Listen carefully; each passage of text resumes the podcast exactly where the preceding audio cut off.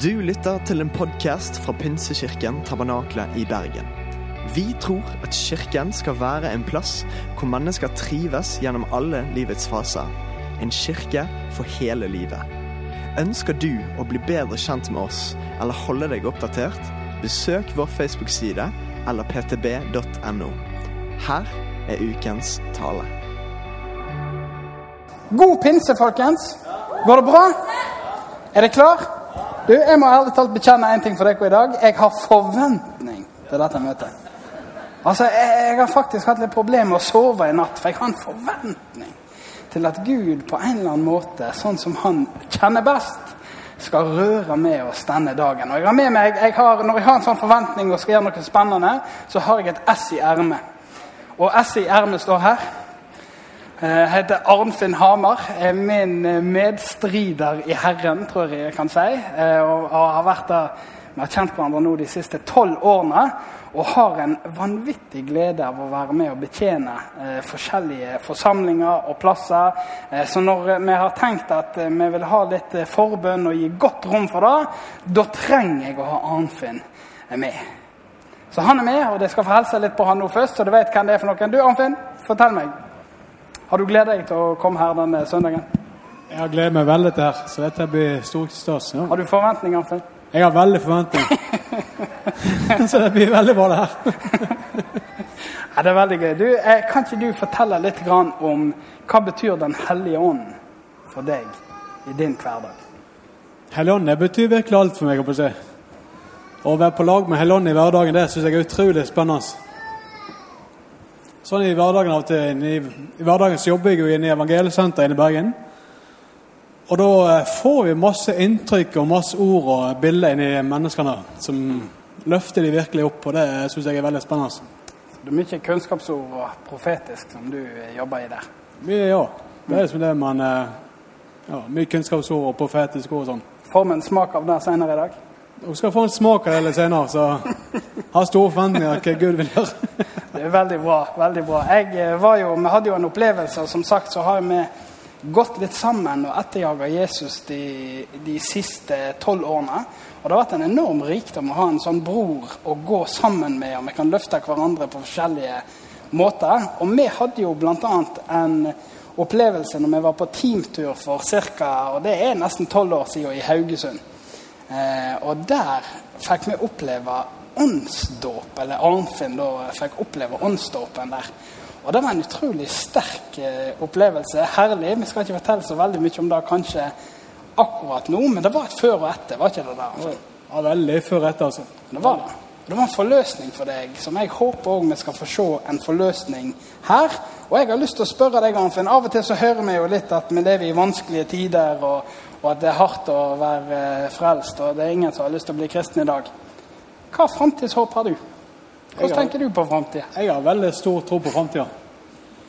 Jeg, har- jeg har kjent veldig lenge på jeg har kjent jeg har, at akkurat som med Gud har et eller annet heftig på gang, det har jeg kjent på lenge, jeg håper si kanskje i flere år, på en måte, men, eh, men har store forventninger til Gud om framtida. Altså. Jeg har kjent lenge på at det ligger et eller annet i lufta, et eller annet som Gud har et eller annet på gang. Jeg har veldig tro på at vi skal se at mange blir frelst framover. Det, er noe jeg, eh, det ligger veldig sterkt i hjertet mitt. Så mist ikke motet. på å. Gud han er med. og på å at han, eh, Guds hjerte, og han vil at alle skal bli frelst og komme til sannhets erkjennelse. Ja. Så stå fast på at eh, Gud har kontrollen. Gud, Gud vil fortsatt store ting blant oss. Det har jeg tro på. Amen. Veldig bra. Yes. Da har jeg fått blitt litt kjent med Arnfinn, så etterpå, når han står og er veldig ivrig til å be for dere, så vet jeg litt om hva slags type dette er. Og hvis du har litt eh, vanskelig å se for deg at håpet for framtida er godt, ta en prat med Arnfinn. Han er jo da trikset mitt hvis mismodet eh, synker inn. Da tar jeg meg en prat med Arnfinn, og så løfter han troen igjen. Fantastisk. Du, Takk skal du ha, Arnfinn. Du skal få lov å sette deg ned. Så skal dere få høre litt mer fra han etterpå. Yes, I dag så handler det jo om eh, pinsen. Eh, og jeg ønsker jo å bruke disse minuttene her denne søndags formiddagen på å skryte av Jesus og løfte fram storheten i det som skjedde for omtrent eh, 2000 år siden. Det er jo heftige begivenheter vi markerer og feirer i dag. Eh, og det som skjedde for 2000 år siden, har jo på kraftfulle måter virka i vår verden helt siden den tid og fram til nå. Det var jo faktisk ikke sånn, selv om jeg kanskje skulle likt å tro det av og til, at pinsekraft, pinseild og pinsevekkelse det var noe vi fant på eh, over Atlanteren på 1900-tallet i Asusa Street. Og det var ikke sånn. Selv om det som skjedde der, var helt vidunderlig og helt fantastisk, så var det en lang historie av at Den hellige ånd har virka i mennesker helt siden Jesus sendte talsmannen for å komme over disiplene. Helt siden pinsedag. Og det er vidunderlig. Eh, at Jesus baner veien gjennom sin død, oppstandelse og seier over døden for at Den hellige ånd skulle bli oss til del, det er virkelig grunn for både halleluja, amen, takk og lov, pris skje Gud, Abba, Far og alt du måtte komme på av lovord. Dette er fantastiske saker, og jeg håper at når disse minuttene er ferdige i dag, så spretter du opp fra stolen i vill begeistring over at Ånden er blitt deg til del. Men jeg får gi meg litt minutter for å se om jeg klarer å jobbe det fram. Du, hør på dette. Det er en ting jeg har tenkt på litt i det siste. Er det sånn at Gud har tenkt at vi skal leve litt på reservestrøm? At vi skal kun ha akkurat nok, så vidt som vi har til å klare å gjøre det vi skal gjøre for Hans rikes skyld? Eller har han en plan for å gi oss det vi trenger, og vel sådan? Av og til kan det i hvert fall føles som jeg vet ikke hvordan det er med deg, men av og til kan jeg få en sånn tanke om at herlig fred, skal jeg liksom klare alt dette sjøl? Og så må jeg korrigere meg sjøl, og så vet jeg sannheten. Men det kan av og til gjennom vår erfaring og opplevelser føles som at Gud er litt langt vekke. At hvor er du? Alt som skjer i verden, ting som rører seg når vi ser på både landskapet i Norge og og, og, og, samfunnsutvikling, så kan vi av og til tenke åh, kommer dette til å gå bra, da? Har Gud en plan? Har han gitt oss opp, eller er han fremdeles på sporet? Og til det så har jeg lyst til å dele noen helt korte refleksjoner til deg på at når Hvis du slår opp i første Mosebok kapittel 2 og vers 10. og Du trenger ikke gjøre det, for vi skal hoppe raskt videre. men Hvis du er rask, så kan du. Men helt i begynnelsen av boka, i, i, den andre skapelsesberetningen der, så eh, snakker de om ei elv. Gud har skapt hagen, og så står det at når Gud planta hagen, så rant det ei elv ut fra hagen. Ei elv som ga næring til hagen. Så denne elveren Ok, elv, det er naturlig, dette kan vi forstå. Men så er det flere plasser i Guds ord som det er snakk om ei elv. Og Jeg har lyst til å hoppe helt til slutten av boka for å poengtere for deg at i begynnelsen av boka og i slutten av boka så snakker Bibelen om ei elv. Og Hvis du hadde gått i åpenbaringsboken og du hadde slått opp i 20, eh, kapittel 22 og lest fra begynnelsen av verset der, så hadde du òg sett at det snakkes om ei elv som renner ut fra Guds og lammets trone. Ja vel, det var noe rart med alle disse elvene, da. Skal vi på elvesafari denne pinsedagen her? Ja, kanskje lite grann skal vi på det. For det fins noen andre elver. Men legg merke til i begynnelsen av boken, slutten av boken, det er ei elv som Gud har initiert og skapt for oss. Som gir næring, friskhet og kraft til våre liv. De to plassene så vil du ikke lese så veldig mye detaljer om disse elvene. Kanskje har du ikke tenkt over de elvene. Jeg har i hvert fall lest Bibelen i en del år allerede. har ikke tenkt på de elvene en gang før jeg begynte å tenke på pinsefest i tabernakelet. Og så kom det opp for meg disse elvene. Og Hvis du hadde en annen plass som kanskje er litt mer kjent, du hadde slått opp i Esekiel i kapittel 47, så vil du òg lese om ei elv. Ei elv som renner ut ifra tempelet. Og den elva renner, og overalt der elva går, der er det frodig. Trærne bærer frukt. Overnaturlig hyppig. Fiskene blir friske, havet blir friskt. Det er elver som går ut for tronrommet, går. Og I den beretningen fra Esekiel òg, så er det sånn at jo lenger ut fra tempelet det går, han skal, profeten skal måle opp, jo lenger ut han går, jo djupere blir vannet, og til slutt må han bade i elven. Min påstand til deg innledningsvis her i dag, det er at Gud har en forsørgelse for oss som ikke på noen som helst måte er tenkt å være liten eller på reservestrøm. Han har faktisk en rik elv av sin kraft, herlighet og nåde som renner ut fra tronrommet, og som er tilgjengelig for oss. Vi kan bade i denne elven og bli forfriska, fornya, og den forandrer noe med oss. Nå er elvesafarien snart slutt, men jeg vil avslutte med Jesus sine egne ord. Velkjente ord fra Johannes eh, kapittel 7, vers 37 og 39. Der står det som følger. På den siste dagen i høytiden, den store festdagen, sto Jesus fram og ropte:" Den som tørster, skal komme til meg og drikke. Den som tror på meg, fra hans indre skal det, som Skriften sier, renne elver av levende vann. Og så står det Dette sa han om ånden de som trodde på han, skulle få. Ånden var ennå ikke kommet, for Jesus var ennå ikke herliggjort. Den hellige ånd, folkens. Og nå snakker jeg jo til pinseforsamling, så, så preaching to the choir, men hør. Den hellige ånd er ikke sånn valgfag som du tar på siden hvis du er ekstra interessert i etterfølger Kristus. Den hellige ånd er kilden og kraften til å leve det livet Herren har bedt oss om å leve. Ja vel.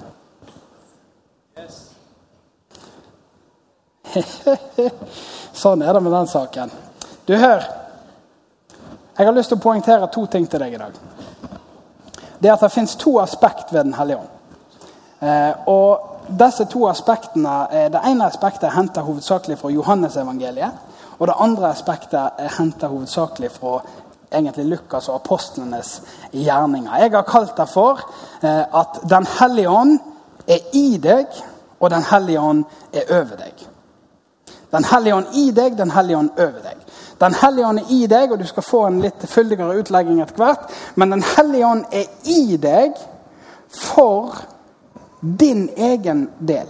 For at troen i deg skal modnes, for at du skal vokse til erkjennelse, og at Kristus skal få vinne skikkelse i deg, så har du fått Den hellige ånd som en del. Når du tok imot Jesus og ga livet ditt til han, så fikk du en del av Den hellige ånd. Men så fins det òg et aspekt ved Den hellige ånd som vi leser om på pinsedag, der Den hellige ånd kan komme over deg og salve deg for gjerningen og tjenesten du har. Ikke for din egen del, men for de som er rundt deg. Og Min påstand til dere her i dag det er at vi må holde begge disse aspektene levende. Vi trenger Den hellige ånd i oss som panter på vår arv. Vi trenger Den hellige ånd som utruster oss, som lærer oss om alle ting. Men vi trenger òg å gi rom for at Den hellige ånd kan falle på oss og komme over oss for at vi skal kunne gjøre den tjenesten Han har kalt oss til å gjøre. Og det vidunderlige med pinsedag, som Benjamin allerede har vært litt innom, er jo dette her at de var samla, og ånden kom over hele gjengen. Den hellige ånd kommer ikke bare over spesialistene. Dette er så oppmuntrende for meg. Dette er så herlig. Derfor har jeg sagt i Tabernakel, jeg har sagt i Betel, jeg har sagt i Betania, jeg har sagt alle plassene der de vil ha meg til å preike i det siste, at hør, skatten i kirken er jo ikke den personen som står på scenen og holder mikrofonen. Skatten i kirken er jo deg som sitter i salen. Det er jo det som er hele clouet. Det er jo det som er så genialt med den kristne tro. At det ikke er spesialisten, pastoreksperten, som står på scenen, som er det store. Det er oss alle, det allmenne presteskapet. At vi alle sammen kan få del i Den hellige ånds salvelse. Og det fins ikke noe bedre salvelse. Hør, jeg har utdannet meg eh, på teologi på Høgskolen for ledelse og teologi. Jeg kan anbefale det varmt. Snikreklame. Men Det fins ingen høyskole, universitet, akademisk utdannelse på noe som helst måte som kan måle seg med den utrustning og utdannelse som Den hellige ånd gir for oss som tror. Hør! Vi må ha Ånden virksom i våre liv og gjennom våre liv for at vi skal få gjøre fylden av det Herren har kalt oss til å gjøre. Når Johannes snakker om Den hellige ånd, så snakker han om eh, talsmann. Og På grunnteksten så heter det da parakletos. og For å si litt om, Kanskje har dere hørt dette allerede, men det betyr og kan oversettes hjelper, advokat, beskytter, forbeder eller en trøster som setter mot i den mismodige. Når Johannes forteller om Den hellige ånd i kapittel 14 og kapittel 16, heimeleksa, eh, så er det med fokus på denne som er på vår side. Ånden jobber med oss, jobber i oss. og Det er òg Johannes som bruker disse begrepene her og siterer Jesus på at Ånden skal lære oss om alle ting. Til og med den radikale utsagnet fra Jesus at det er høyr når disiplene er lei seg for at han skal reise opp igjen til Faderen, så sier han høyr! Det er bedre for dere at jeg reiser til far, for da kan talsmannen komme.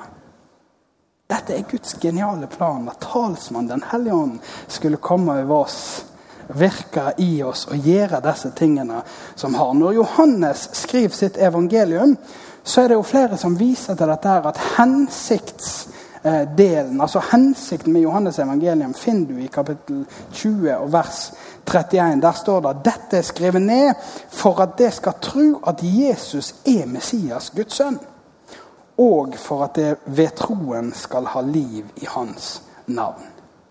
Den hellige ånd. Og det er jo også kanskje litt av grunnen for betoningen Den hellige ånd har i Johannes evangeliet. Det er i utgangspunktet et evangelium skrevet til de kristne for vår utrustning sin del. Den hellige ånd kommer i deg for å være din hjelper, din advokat, din forsvarer, din forbeder, og den som setter mot og styrke i deg når mismotet kommer fram. Treng med Den hellige ånd i oss for å leve Jesuslivet. Responsen er overveldende, men svaret er ja! Ja, vi skal ha det gøy i dag. det er helt sikkert. Svaret er ja. La meg gi deg noen eksempel. Hvis du er helt ærlig med meg nå Du trenger ikke verken rope ut eller, eller opp med håndstrekning foreløpig, men hør på det her. Treng med Den hellige ånd for indre forvandling. Hvis jeg sier til deg Hvis jeg går ned nå, og så slapp, klapper jeg til deg kraftig og hardt på ene kinnet, hva skal du gjøre da? Du skal snu det andre til. Fortell meg en person her inne som det er naturlig for. Hvis jeg, noen, hvis jeg går ned nå og gir deg en god ørefikk, fortell meg om den personen som ikke i sitt indre egentlig har lyst til å reise seg opp. Altså, jeg er jo pastor. Dette her jeg må, Hæ? Dette er vanskelige greier.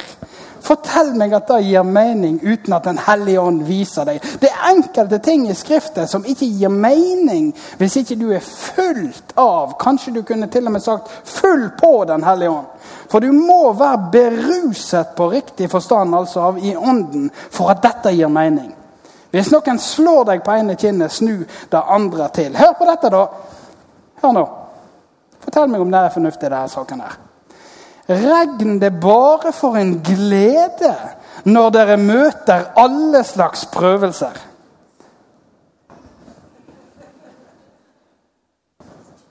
Ser jeg noen hender? Ja, sånn har jeg alltid tenkt. Slutt å tulle. Det har du ikke. Sånn er det. Dette er jo helt vanvittig. Du har vært kristen i mange år. Det er jo umulig å forstå hvis ikke du er fylt av Den hellige ånd. Jeg må jo virkelig minne Gud på et par ting. At jeg trenger faktisk pinsekraft hvis jeg skal forstå dette greiene her. For det er jo ikke umulig å få til i praksis. Vi trenger at Den hellige ånd er i oss og virker i oss. Hør på den siste her. Det var et veldig anstøtelig ord fra Skriften. Som likevel er så herlig og sant. Vær alltid glad. Hæ? Er det noen småbarnsforeldre inne i huset her nå? Vær alltid glad. Er det noen tenåringsforeldre inne i huset her? er det noen koner her inne? Du, her. Stakkars kone må holde ut med oss mannfolk. vet du. Det er ikke lett. Du, Vær alltid glad. Hør, vi trenger Den hellige ånd til å virke i oss. Hvis dette ordet her skal gi mening. Ellers så blir det bare voldsomme bekjennelser og svake liv som er ute av stand til å gjøre. For det er det som er sannheten, kjære venner. Det er det som er den deilige, frigjørende sannheten. Du er ikke i stand til å gjøre det ordet sier og krever av deg at du skal gjøre. Du trenger Den hellige ånd i deg. Talsmannen, parakletos, parakleten. For at du skal kunne gjøre ordet. Ja vel? Kan jeg få et amen på det? Er du enig? Kjøper du den? Ja, men det var bra. Amen. Takk og lov. Jeg ble bekymra der en periode. Det ordner seg. Du, Hør på dette her, da. Vi trenger òg at Den hellige ånd kommer over oss. Som kraften på den tjenesten vi skal ha. Og hør, vi har alle en tjeneste. Det er ikke alle som skal være pastor. og Takk og lov og pris for det. Kan du tenke deg hvis kun pastorer kom sammen? Der ser jeg for meg som et absolutt mareritt. Det vil jo være nesten umulig å komme seg fram til talerstolen i det hele tatt. Tenk deg bare den køen med smalltalk helt fra døra inn og helt fram her for å komme seg til. Vi har alle en tjeneste, men tjenestene ser forskjellige ut. Det er forskjellige gaver og forskjellige nåder, men felles for de alle er at de er tenkt å være ikraftsatt av Den hellige ånd. Det er ikke bare du. Det er ikke sånn at å, pastoren er veldig heldig, for han må bli salva av Den hellige ånd for å gjøre tjenesten sin. Nei, vi trenger alle bli salva av Den hellige ånd for å gjøre den tjenesten Gud har for oss. Det er ikke sånn solorace, vet du. Der vi går i egen kraft og egen styrke og sliter oss ut. Det trenger vi faktisk ikke. Det er faktisk ikke Guds plan. Men hør. Kanskje vi skal lese litt fra apostlenes gjerninger.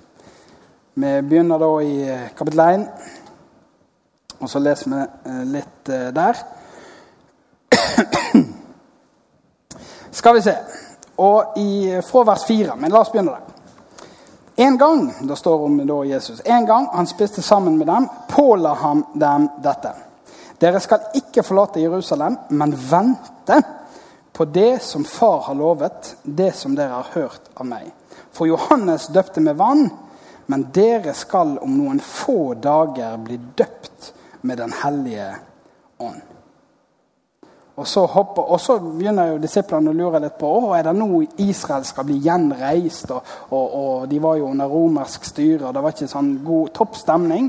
Er det nå nå skal Israel, nå skal vi få et politisk gjennombrudd og bli vår egen stat igjen? Er det nå du vil gjenreise riket for Israel? Og Da svarer Jesus dette. Interessant. Det er, ikke, det, det er ikke dere gitt å kjenne tider og stunder som far har fastsatt av sin egen makt.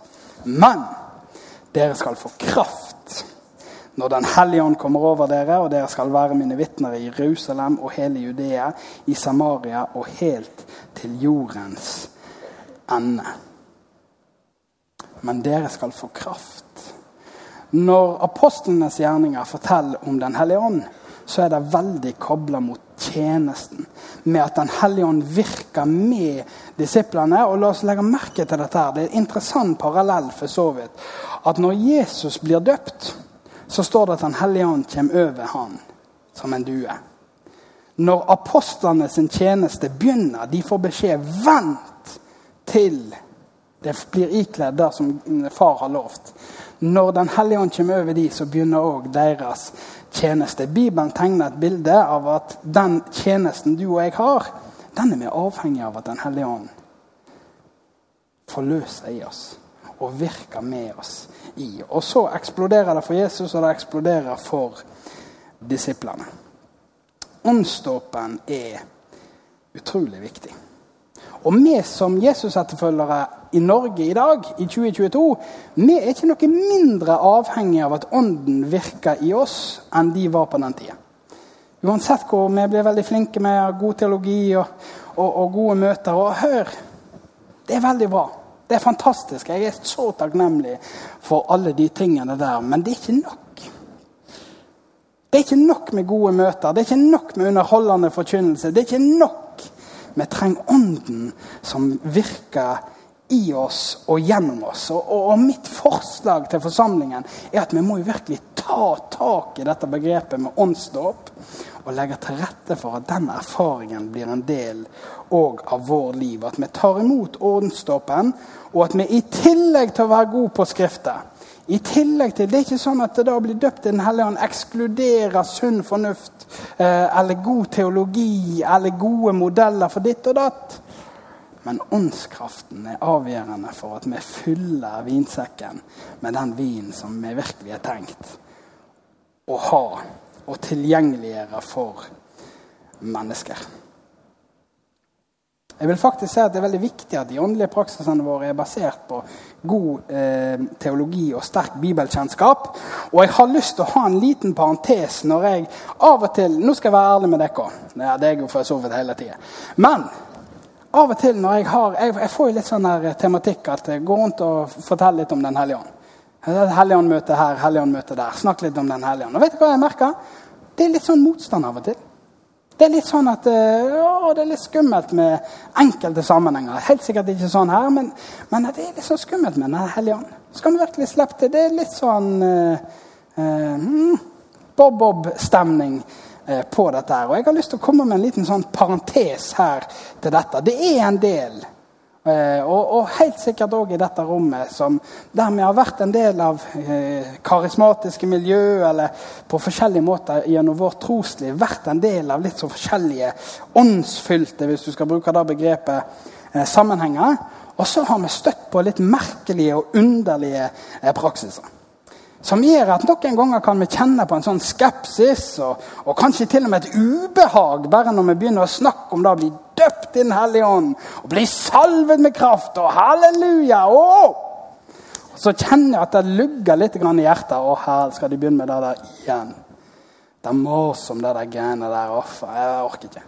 Og så, så, så har jeg en forståelse for det.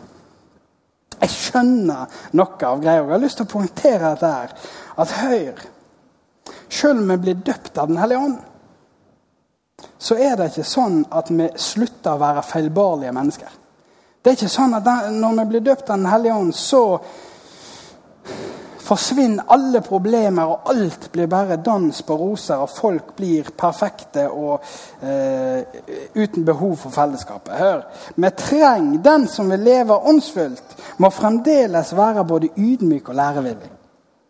Vi trenger hverandre, og vi kommer faktisk aldri til å komme til et nivå av åndsfylde på denne jorden der vi ikke trenger det kristne fellesskapet lenger. Der vi ikke trenger å bli slipt av hverandre. Men jeg er overbevist om at vi, om vi er villige til å leve i fellesskap med hverandre, ydmykt og lærevillig sammen med hverandre, så gir vi rikelig rom for at Ånden kan virke kraftfullt iblant oss. Eh, og det kan gi rom for en sunn og god åndsfylde. Det å bli døpt i Den hellige ånd ekskluderer ikke bibelundervisning, god teologi eller sunn fornuft. Men jeg tror at disse tingene er tilrettelegg for at vi kan være åndsfylte på bærekraftige, kraftfulle måter i en livslang etterfølgelse av Han.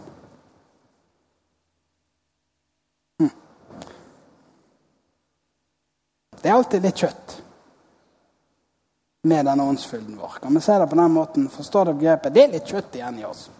Så enkelt det med den saken. Vi blir liksom ikke helt kvitt det der, vår egen feilbarlighet. Men la det ikke være en unnskyldning for å skubbe vekk alt som har med åndsfylde å gjøre.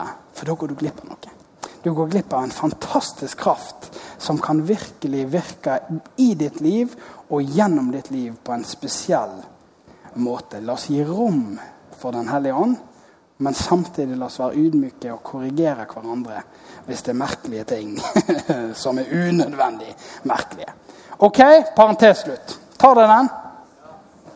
Jeg håper at hvis du er her inne og du kjenner en sånn skepsis og lugging når det er snakk om dåpen Den hellige ånd, så har jeg for først lyst til å si beklager for den negative erfaringen.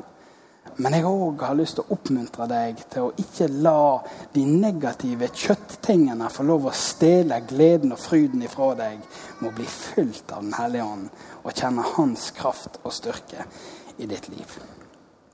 Ja vel. De siste minuttene her nå så ønsker jeg å fortelle litt eh, om åndsdåpen fra et eh, Kall det litt større perspektiv i Bibelen. Litt lengre linje. Hør på dette her. Guds plan. Jeg har lyst til å skryte litt av Guds plan, forunderlig som han er, at han bruker oss. Men hør her. Jesus går rundt på jordet. Fienden har et kjempeproblem. Når vi leser evangeliene, så er vi vitne til et episk oppgjør mellom det onde og det gode. Og døden, la oss bruke det begrepet der, vi er vitne til et oppgjør med døden. Og Helt siden syndefallet så har det sett ut som at døden får det siste ordet. Helt siden syndefallet så har det sett alle mektige menn og kvinner som Gud reiser opp, må til slutt smake døden. Det er liksom det eneste som er sikkert. De må smake døden, og døden ser ut til å få det siste ordet. Uansett hvor heftig profet du var i Det gamle testamentet, uansett hvor kraftfulle dine gjerninger var, døden kom til slutt. Og på mange måter ser det ut som at døden vinner. Ondskapen ser òg ut til å ha en veldig sånn sterk kraft over menneskeheten. For du leser hele Gamle testamentet, og du kan egentlig få et inntrykk av en nedadgående spiral. Der ondskapen blir større og fraværet for Gud øker over tid. Og en kan få inntrykket hei, kanskje døden er sterkest. Men så kommer Kristus. Det er som 2000 år siden. Så kommer Kristus, kjærligheten sjøl, med planta begge beina på jorda og sier nå skal vi en gang for alle ta det opp her og vise hvem er det som er sterkest. Og hør, Dette var et kjempeproblem for vår fiende og anklager. Eh, han likte ikke de sakene i det hele tatt. Og, og, og, Den store planen var jo å få drept denne Jesusen, sånn at vi blir kvitt han som går rundt og ødelegger djevelens gjerninger. La oss kvitte oss med denne personen og få han her ifra. Og til slutt ser det jo til og med ut som at døden vinner. Eh, Jesus henger på korset. Han utånder, det blir mørkt, og alt ser ut som at døden var det sterkeste. Men så er det jo at, uh, dette som skjer, som vi feirer i påsken, at Jesus står opp igjen. Det var jo et problematisk utgangspunkt. Dette likte vi ikke helt. Men la meg si det litt sånn enkelt til dere. Jeg tror ikke fienden vår var klar over konsekvensene av det som hadde skjedd, før pinsedag.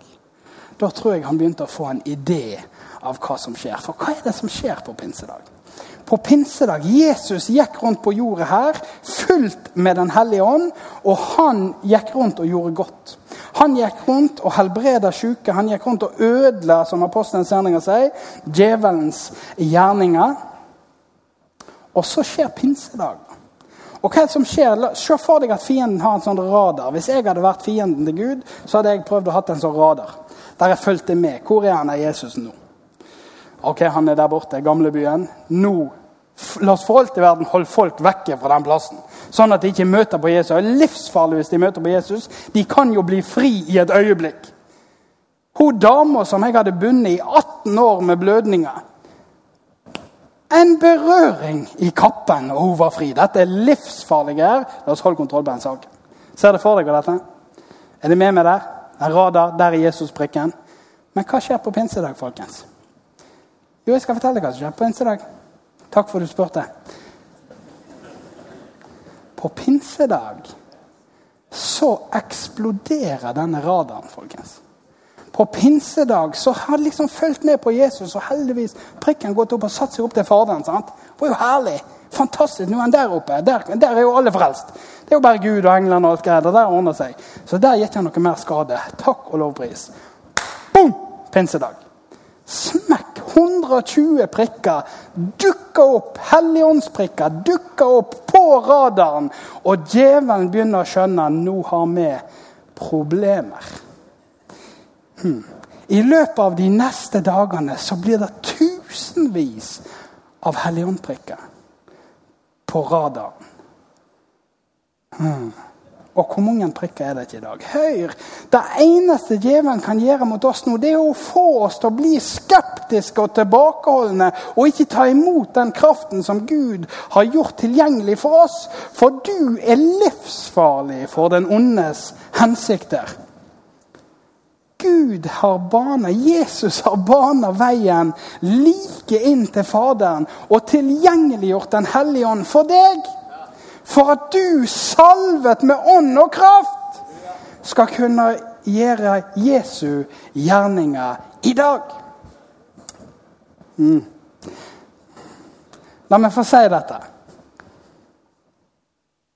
Vi er jo ikke her på jorda i dag som Guds kirke, som Jesu Kristi kirke, for å være et museum som vitner om noe som skjedde for 2000 år siden. Og for å eh, drive og overbevise folk gjennom vår egen forstand og historiske dokumentasjon på at Jesus faktisk gjorde det han gjorde. Vi er jo her som en fortsettelse av Jesu gjerninger for 2000 år siden. Helt inntil i dag og helt inntil han skal komme. Du og jeg fortsetter. Hva er apostlenes gjerninger? Jo, apostlenes gjerninger er Jesu gjerninger fortsatt gjennom Den hellige ånds kraft. Men Jesus er reist opp, så det er du og jeg. Vi holder fremdeles på å skrive apostlenes gjerninger, du og jeg. skal se deg. Vi kunne fulgt ut videre kapitler om hvordan Og det handler om at Jesu gjerninger fortsetter gjennom oss. Et møte med Pinsekirken Tabernakene. med Betel Frekkhaug, Sion Blomsterdalen, Betania Knarvik, Betania Haukanes kan være et møte med Jesus sine gjerninger virksomt i dag. En plass for å bli fri for å bli løst fra de lenkene som binder oss, for å lære sannheten å kjenne og bli salvet med Den hellige ånd, så du kan fortsette de gjerningene Herren begynte for 2000 år siden. Vi trenger å bli døpt i Den hellige ånd. Dette er ikke noen gamle greier som skjedde for lenge siden, og nå er det ikke relevant lenger. Og faktisk er det ikke engang en engangshendelse. Det er noe vi kan lese i Bibelen at skjedde gjentatte ganger. Først kom pinsedag, gjennombruddet selvfølgelig, men òg seinere kan vi lese om at de ba sammen, de var samla i bønn, og de ble fylt av Den hellige ånd. Det er ikke sånn at du ble fylt for én gang, og så er du ferdig. Vi trenger å stadig bli fylt av Den hellige ånd for å kunne gjøre de gjerningene som han ønsker at vi skal gjøre. For å virke i dem, for at våre tanker, våre sinn, så ånden kan være i oss, men òg over oss. Virksom for andre. Og I dag har jeg en frimodig eh, tanke, og den skal jeg dele skamløst. Amen. For sånn er det. Av og til. Eh, det er jo sånn at eh, En av de viktige praksisene vi leser om i Bibelen når det kommer til faktisk videreformidling av gaver eh, og betjening av hverandre, det er håndspåleggelse. Og håndspåleggelsen, den ønsker jeg å legge til rette for denne søndagen. Det har jeg fått lov til òg, så det er jo helt fantastisk. Så i dag, folkens, skal det få etter hvert bli invitert til eh, forbønn. Eh, og vi tar litt mer om det etterpå, men jeg vil oppmuntre deg innstendig denne søndags formiddagen. Og ikke gå ut fra dette lokalet før du har tatt tak i det Gud har for deg. Kanskje sitter du nå og tenker jeg er fornøyd, Gud har alt for meg. Ja vel, velsigne deg. Det er greit, men hvis du kjenner at det er noe mer, det er noe jeg vil ha tak i, så er dette en fantastisk anledning for deg til å komme fram, bli betjent og la Den hellige ånd få virke gjennom oss. Og i oss.